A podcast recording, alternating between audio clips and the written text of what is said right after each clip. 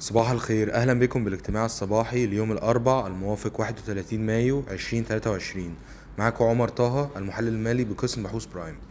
أول خبر macro هو إن البورصة المصرية هتنشئ شركة تسويات لخدمات التقاص شركة مقاصة وتسوية للعقود الآجلة بالتزامن مع إطلاق بورصة العقود الآجلة.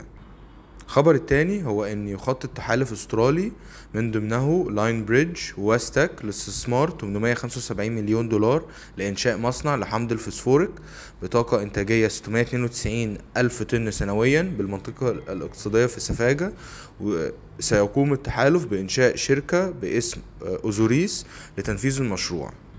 الخبر الثالث هو إن تتوقع دانا جاز الإماراتية بدء حفر 11 بئر جديد في مصر بتكلفة 100 مليون دولار ومن المتوقع أن تضيف الآبار الجديدة حوالي 80 مليار قدم مكعب من إنتاج الغاز الطبيعي والاحتياطات.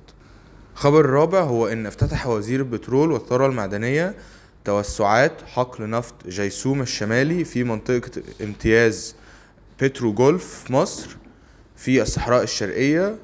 وأدى التوسع إلى زيادة إنتاج الحقل من 4000 برميل يوميا إلى 19000 برميل يوميا وزيادة الاحتياطات من 118 مليون برميل إلى 203 مليون برميل خلال النصف الأول من 2023 بالنسبة لأخبار ال corporate زميلتي أماني هتتكلم عن نتائج أبو قير والمالية والصناعية ونتائج بنك التعمير والإسكان وبنك قناة السويس ونتائج B Investments و Arabia Investments أعلنت شركة أبو قير للأسمدة عن نتائج أعمال التسع شهور الأولى من العام المالي 22-23 صافي الأرباح ارتفعت بنسبة 86% مقارنة بالعام السابق لتصل ل 12.9 مليار جنيه.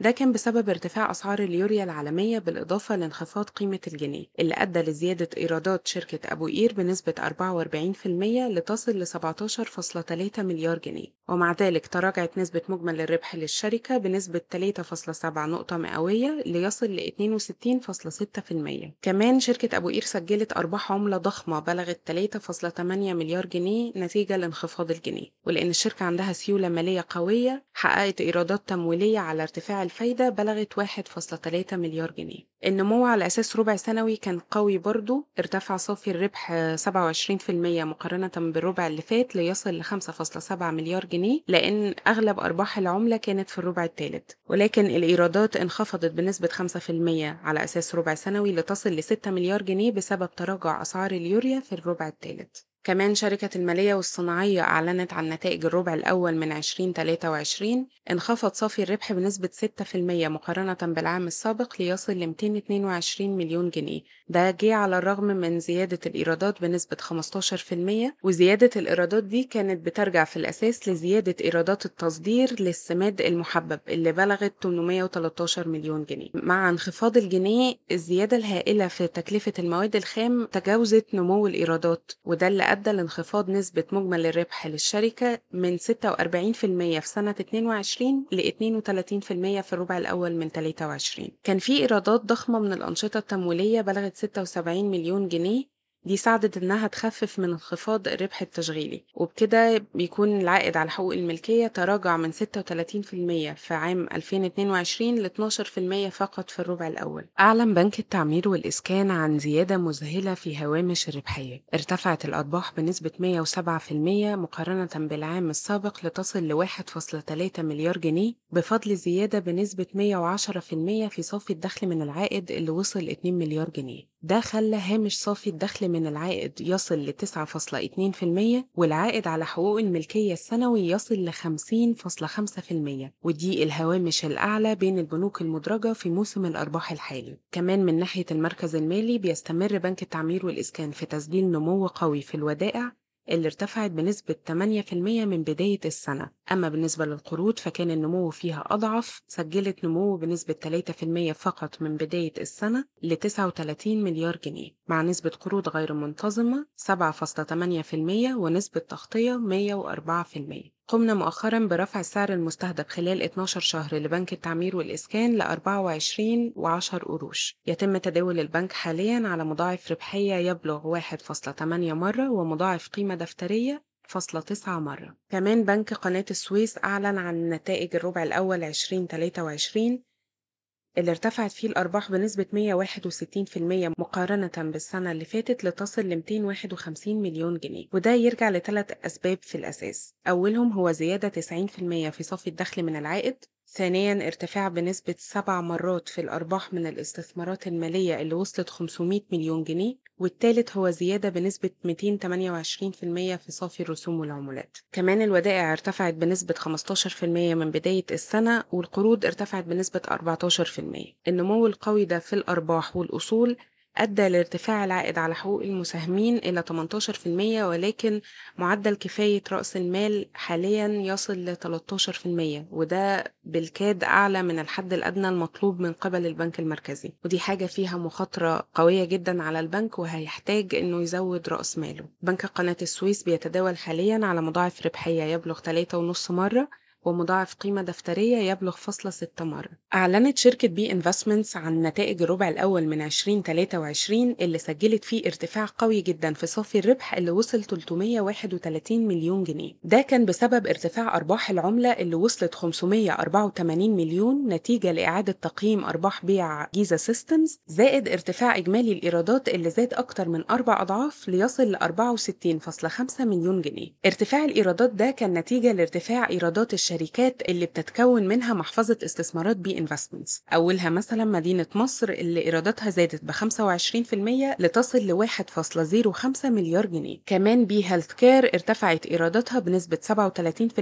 لتصل ل 34.6 مليون. أما بالنسبة ل Gourmet إيراداتها ارتفعت 19% لتصل ل 297 مليون. وبساطة Holding أو ابتكار سابقا إيراداتها ارتفعت 10% ل 164 مليون. أما بالنسبة لتمويل للاستثمار وتمويل للتمويل العقاري فارتفع كل منهم 86% و87% على التوالي. كمان شركة Arabia Investments Holding أعلنت عن نتائج الربع الأول من 2023 اللي انخفضت فيه الأرباح بنسبة 75% مقارنة بالعام السابق لتصل ل 9.2 مليون جنيه وده بيرجع لانخفاض الإيرادات بنسبة 13% لتصل ل 278 مليون مع زيادة 135% في تكلفة التمويل وزيادة 102% في خسائر الائتمان المتوقعة.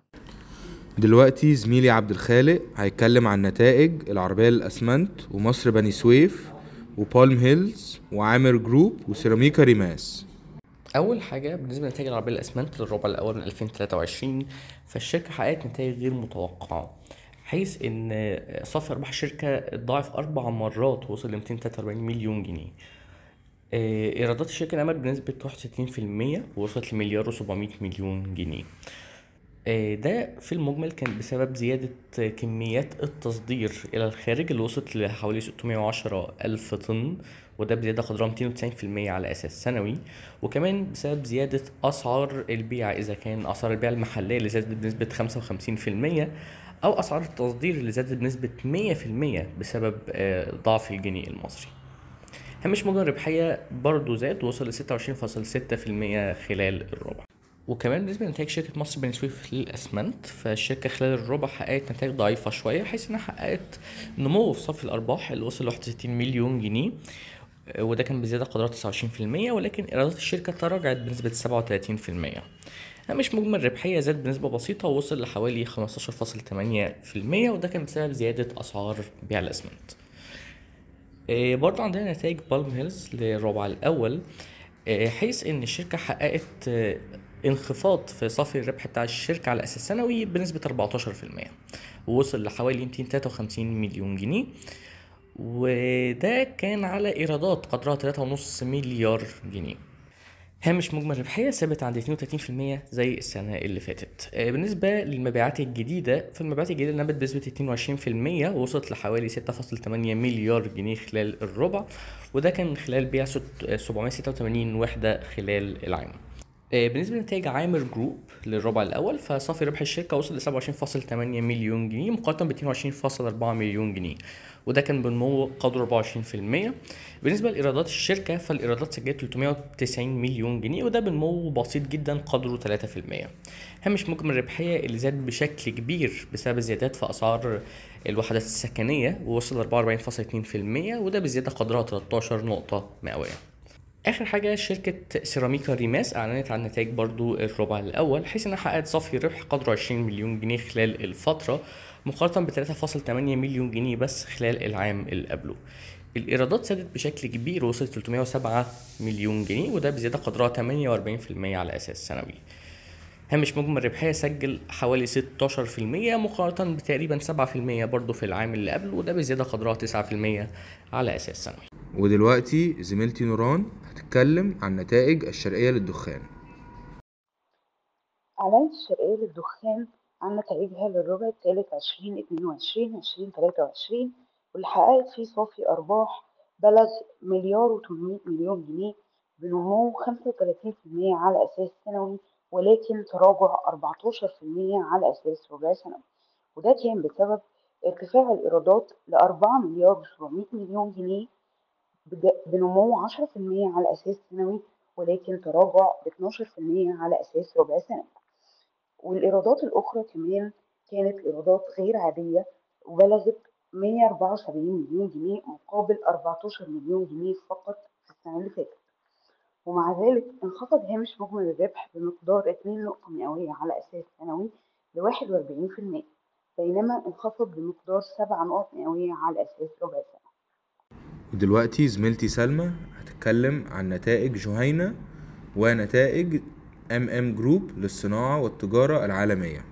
أعلنت شركة جهينة عن نتائج أعمالها المجمعة للربع الأول 2023 واللي سجلت فيها صافي أرباح بلغ 339 مليون جنيه بزيادة 135% على أساس سنة والزيادة دي بترجع لارتفاع الإيرادات بنسبة 42% على أساس سنوي لتسجل 3.4 مليار جنيه. مدعومة بارتفاع الأسعار.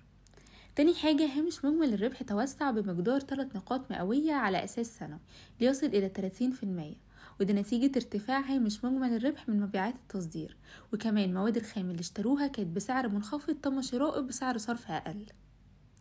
وكمان انخفضت نسبة التكاليف الإدارية والعمومية والبيعية إلى الإيرادات بثلاث نقاط مئوية على أساس سنوي لتصل إلى 15% ومع ذلك جاء نمو الأرباح ده على الرغم من ارتفاع التكاليف التمويلية اللي بلغت 51 مليون جنيه بزيادة 152% على أساس سنوي.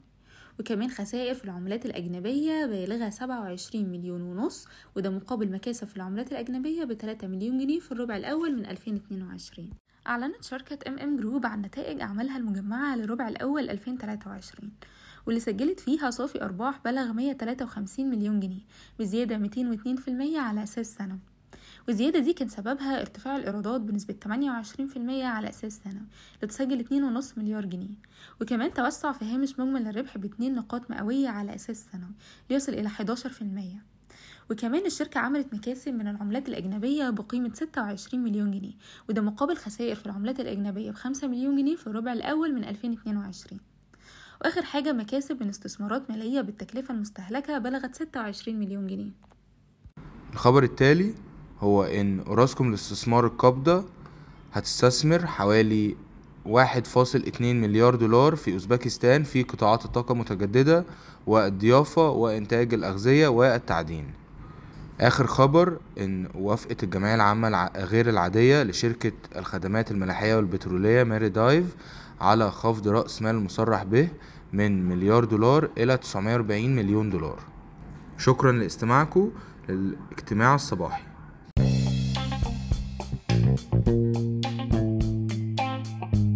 يرجى العلم أن هذا العرض هو لأغراض معرفية فقط، ولا يمكن اعتباره عرض أو توصية شراء أو بيع أو إدارة استثمارات أو خدمات استشارية. ينصح باستشارة مستشارك المالي قبل اتخاذ أي قرار استثماري، علماً بأن الأداء التاريخي ليس مؤشراً يعتمد عليه لتحديد الأداء في المستقبل.